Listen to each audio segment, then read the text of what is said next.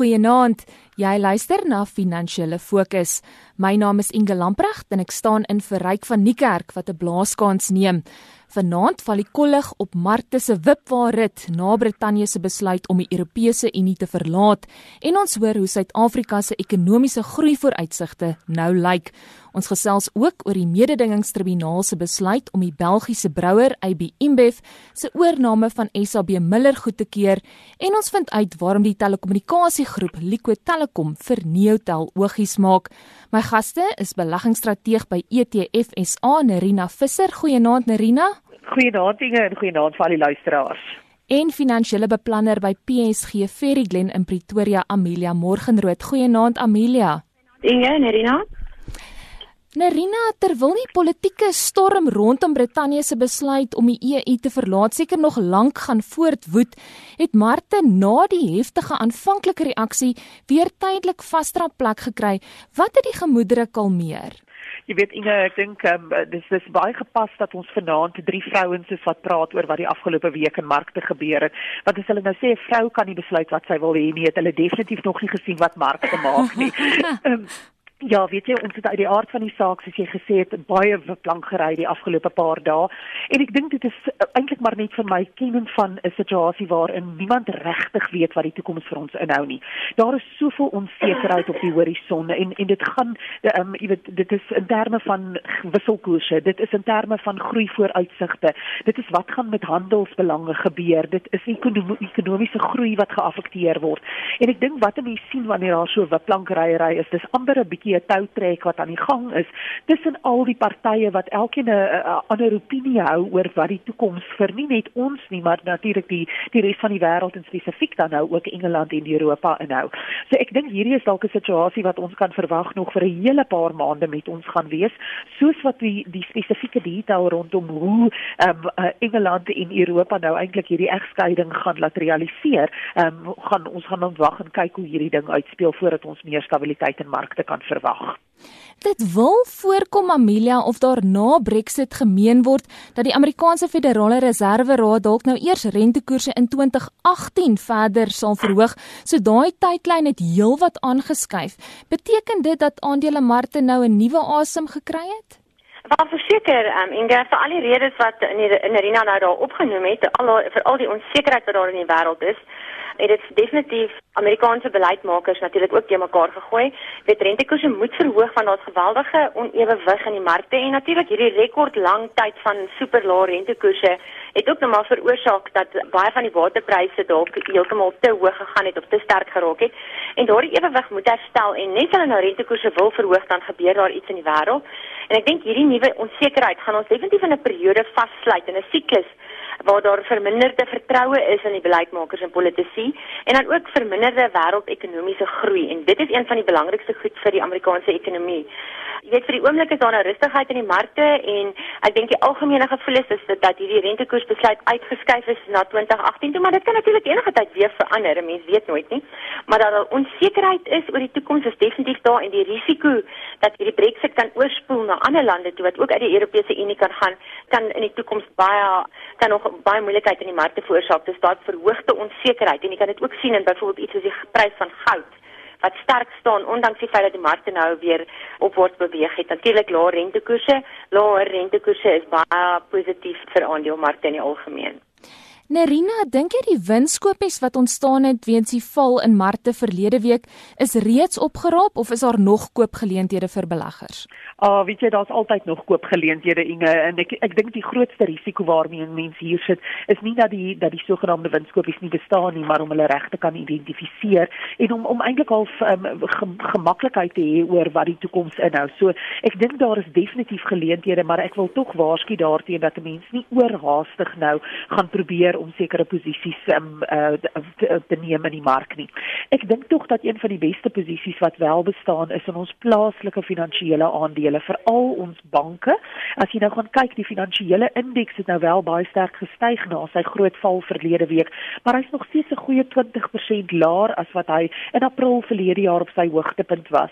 En die rede hoekom ek voel dat daar wel geleenthede daar is, is dat wat met Brexit gebeur het, affekteer nie regtig ons plaaslike banke baie direk nie en hulle het nog steeds baie goeie dividende opbrengs produkte wat hulle gaan lewer en dit is maar net een van vele geleenthede wat ek dink veral as mense langer termyn siening gaan neem oor beleggings dink ek tog daar is nog heelwat geleenthede beskikbaar in ons mark.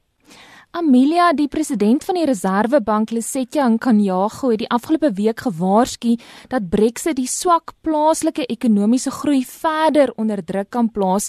Hy meen dit het beleggersentiment negatief geraak en daar word nou vir veilige hawens gesoek en Suid-Afrika is nie een van die veilige hawens nie. Stem jy saam daarmee? Ja, verseker, ek het ook na sy toespraak gekyk of geluister en weet wat een een of twee goed wat van die goed wat ek kan noem is dat uh, Suid-Afrika doen baie handel met Brittanje. Brittanje is ons vyfde grootste handelsvernoot en natuurlik as daar enige verstadiging is in die Britse ekonomie, gaan dit definitief 'n effek dan weer deurtrek na ons uitvoere toe na Brittanje. Ek weet nie of die of die effek dramaties gaan wees nie, maar jy weet ons land het reeds baie beperkte ekonomiese groei. Die laaste kwartaal was dit negatief geweest. So enige plek waar ons ekonomiese groei nog bietjie verder onder druk geplaas word, is baie sleg vir ons. En natuurlik is dit in die algemeen sleg vir sentiment.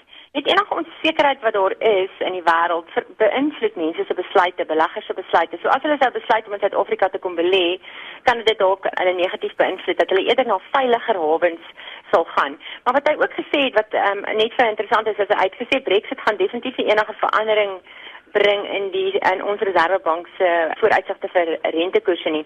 En dan ook 'n ander interessante brokkie inligting wat ek hierdie week gesien het, um, Inge, is maar net weer eens daardie bevestiging dat daar tog 'n daar's 'n verskil tussen wat in die ekonomie gebeur of ekonomiese groei in die algemeen en wat gebeur met genoteerde maatskappye. Net buitelanders in die vorige week het hulle plaaslike aandele, Suid-Afrikaanse aandele gekoop teen die vinnigste tempo in meer as 7 jaar. Jy weet hulle was verlede week so Brexit plaasgevind het, verlede week Vrydag, was hulle net te kopers van ons aandele van 4.2 miljard rand. En daardie hele week het hulle 14.5 miljard in ons rand in ons mark ingestoot. Dit is een van die beste weke sedert die ineenstorting van 2009. Ja, so dalk kan jy nou duidelik sien dat maak nie saak of ons negatiewe ekonomiese groei het nie, ons maatskappye is nog steeds baie aantreklik vir buitelanders. Nerina op 'n inflasienoot het produsenteprysinflasie in Mei tot 6,5% verlangsaam. Nou dit is steeds hoog, maar nie soveel soos wat markwaarnemers verwag het nie. Intussen is daar vrese dat die plaaslike ekonomie 'n resessie kan beleef. Wat verwag jy sal die Reserwebank later van dese maand besluit wanneer hy sy rentekoersbesluit bekend maak? Ek dink wat Amelia nou net vir ons gesê het in terme van um, die die aanmerkings wat ons van Lesetja Genjago gehoor het hierdie week is heeltemal reg, maar ek dink daar is daarom nou 'n uh, omgewing waar die Reserwebank sy besluit moet neem wat mens moet sien in die globale konteks van sentrale banke wêreldwyd wat of nog verder rentekoerse verlaag of definitief nie in 'n posisie is om dit binnekort te verhoog nie. So die feit dat beide die produsente inflasie hierdie week verlangsaam het en ons ook 'n goeie verrassing met ons verbruikersinflasie onlangs gehad het, steek uh, dui tog daarop dat ek dink die druk op die Reserwebank om onmiddellik nou in Julie rentekoerse te verhoog definitief nie daar is nie. Ek dink dis ook onwaarskynlik dat hulle dit sal doen voor die munisipale verkiesings op die 3de Augustus, nie omdat hulle probeer om om kiesers um, gemaklik te maak nie, maar net omdat jy net soos wat die die Federale Reservebank ook besluit het om nie aan hulle rentekoerse te verhoog toe hulle uh, as gevolg van die die EU referendum wat moes plaasvind nie. So sien jy dat sentrale banke tog bewus is van wat wat in die breër um, land aangaan en moet in ag neem wanneer hulle hulle hulle rentekoers besluite neem. So ek dink ons het definitief ook gesien byvoorbeeld die afgelope week met 'n met 'n baie sterk handelsbalans dat daar definitief um, voordele is in terme van beter uitvoer um, inkomste wat ons kry as gevolg van die swakker rand en ek dink alhoewel handelsbalanssyfers baie wisselvallig is, dink ek tog dit is alles dinge wat die Reserwebank sal help om nie nou in, in later in Julie um, plaaslike rentekoers koerse te moet verhoog nie.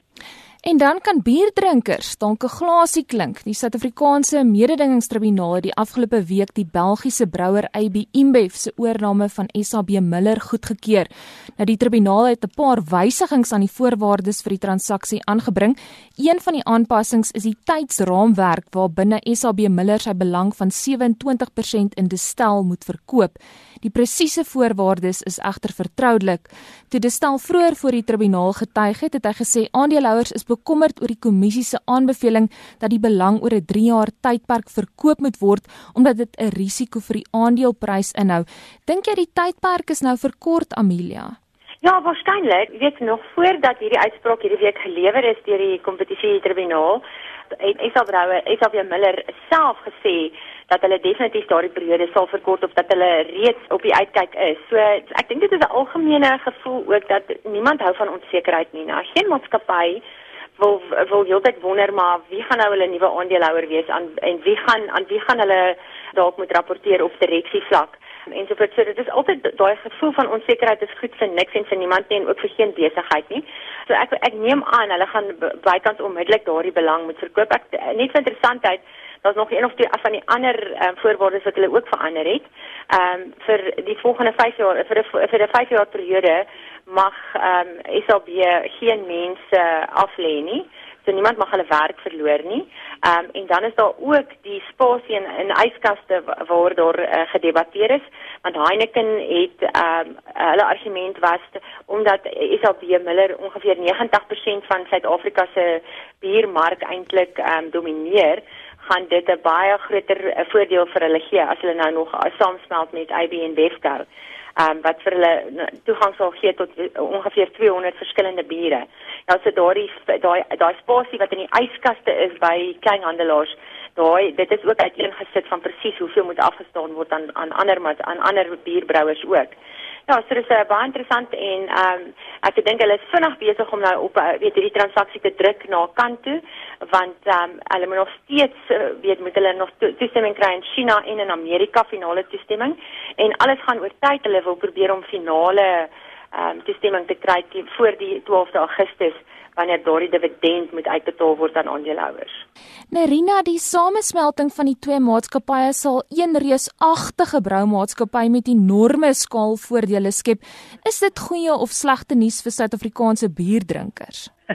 jy weet ek weet nie of Suid-Afrikaanse bierdrinkers hulle regtig gaan laat afsit deur die samesmelting van die maatskappye wat hulle wat hulle bier vir hulle brou nie, maar ek dink as ons meer vanuit 'n finansiële oogpunt daarna kyk, ek dink wel dat hierdie transaksie voordelig is vir beleggers vir die eenvoudige rede dat jy definitief 'n beter ekonomiese skaal sal kry hierdeur. As ons net weer um, spesifiek um, praat oor die dividendgedeelte wat Amelia ook nou aangeraak het en veral hierdie belangrike datum van die 12de Augustus, die rede hoekom dit nog 'n belangrike datum is is as hierdie transaksie voor die 12de Augustus afgehandel word, dan beteken dit dat AB InBev hierdie dividendse uitbetaling sal kry. Terwyl as dit nie voor 12 Augustus afgehandel is nie, dan beteken dit dat huidige aandeelhouers daardie dividend kry. En as gevolg van die versterking wat ons gesien het in die rand relatief tot die pond oor die afgelope paar weke, gaan Suid-Afrikaanse beleggers in SAB Miller natuurlik nou heelwat minder kry vir hulle SAB aandele in randterme as wat dit 'n paar weke gelede was of definitief wat dit was op die stadium wat die transaksie aangekondig is. So ek dink Suid-Afrikaanse beleggers sal baie dankbaar wees vir die vir die addisionele inkomste wat hulle kry van die van die dividende en ek dink dit is uiters onwaarskynlik dat hierdie transaksie binne die volgende 5 tot 6 weke afgehandel kan word. Boonbehalwe die die Amerika Amerikaanse en Chinese goedkeuring wat nog gegee moet word, is daar natuurlik die die die samesmelting die die um, proses self om die twee maatskappye bymekaar te sit wat definitief nie voor 12 Augustus sal gefinaliseer word nie. En dan in ander maatskappy nuus gaan die telekommunikasiegroep Econet die internetdienste verskaffer Neotel deur sy filiaal Liquid Telecom koop. Nou die transaksie is 6,6 miljard rand werd. Liquid Telecom het die plaaslike bemagtigingsgroep Royal Bafokeng as vennoot by die transaksie betrek. Royal Bafokeng gaan 'n belang van 30% hê. Nou die samesmelting van Liquid en Neotel sal die grootste pan-Afrika breëbandnetwerk oor sowat 40 000 km en in 12 lande skep. Wat maak Neotel 'n aantreklike bate, Amelia? Ja, hierdie is 'n interessante transaksie. Dit is die eerste keer lees ek wonder ek nou weer borde is Ethernet en Liquid en hierdie tipe name ek ken dit nie regtig nie. Ehm um, eerstens net 'n bietjie agtergrond Ethernet is 'n maatskappy wat deur 'n Zimbabwese besigheidsman begin is. Ehm um, en dan Liquid Telecom is een van die filiale van hierdie ehm um, Ethernet.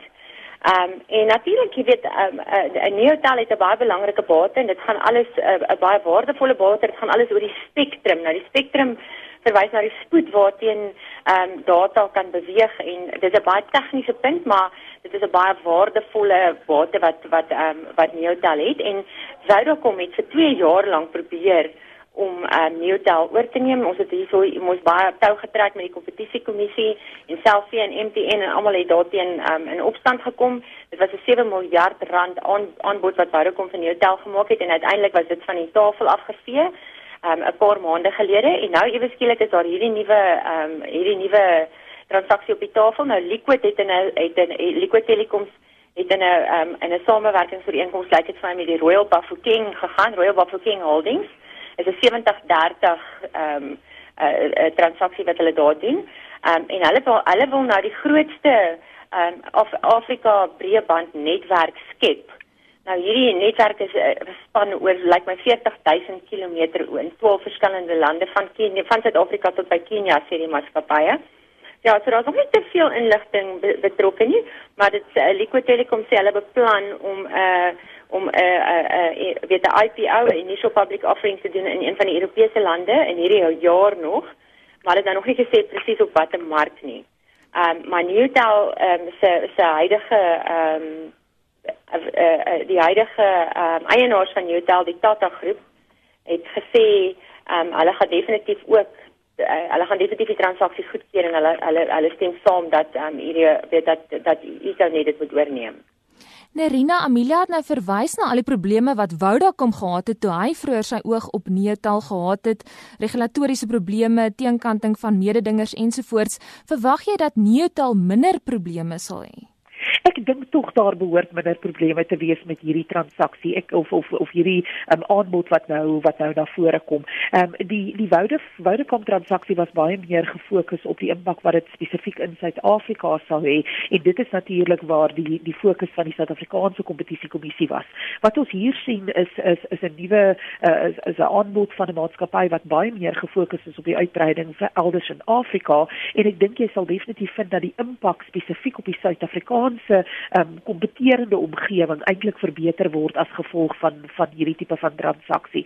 So ek sal bietjie verbaas wees as daar dieselfde mate van van uh, druk van die kompetisiekommissie afkom soos altyd soos wat ons nou met SAB InBev ook gesien het, daar is altyd die die die vereistes wat aan so iets gedoen word, maar ek dink nie daar sal noodwendig so 'n sterk teenkanting kom van ons plaaslike kompetisiekommissie nie. Baie dankie aan beleggingsstrateeg by ETF SA Nerina Visser. Baie dankie Amelia, finansiële beplanner by PSG Ferry Glen in Pretoria, Amelia Morgenrood. Dit bring ons dan by die einde van vanaand se finansiële fokus. Ek wens al ons luisteraars 'n baie voorspoedige week toe. Ryk is volgende week terug op sy pos. Van my Inge Lamprag, groetnis. Tot volgende keer.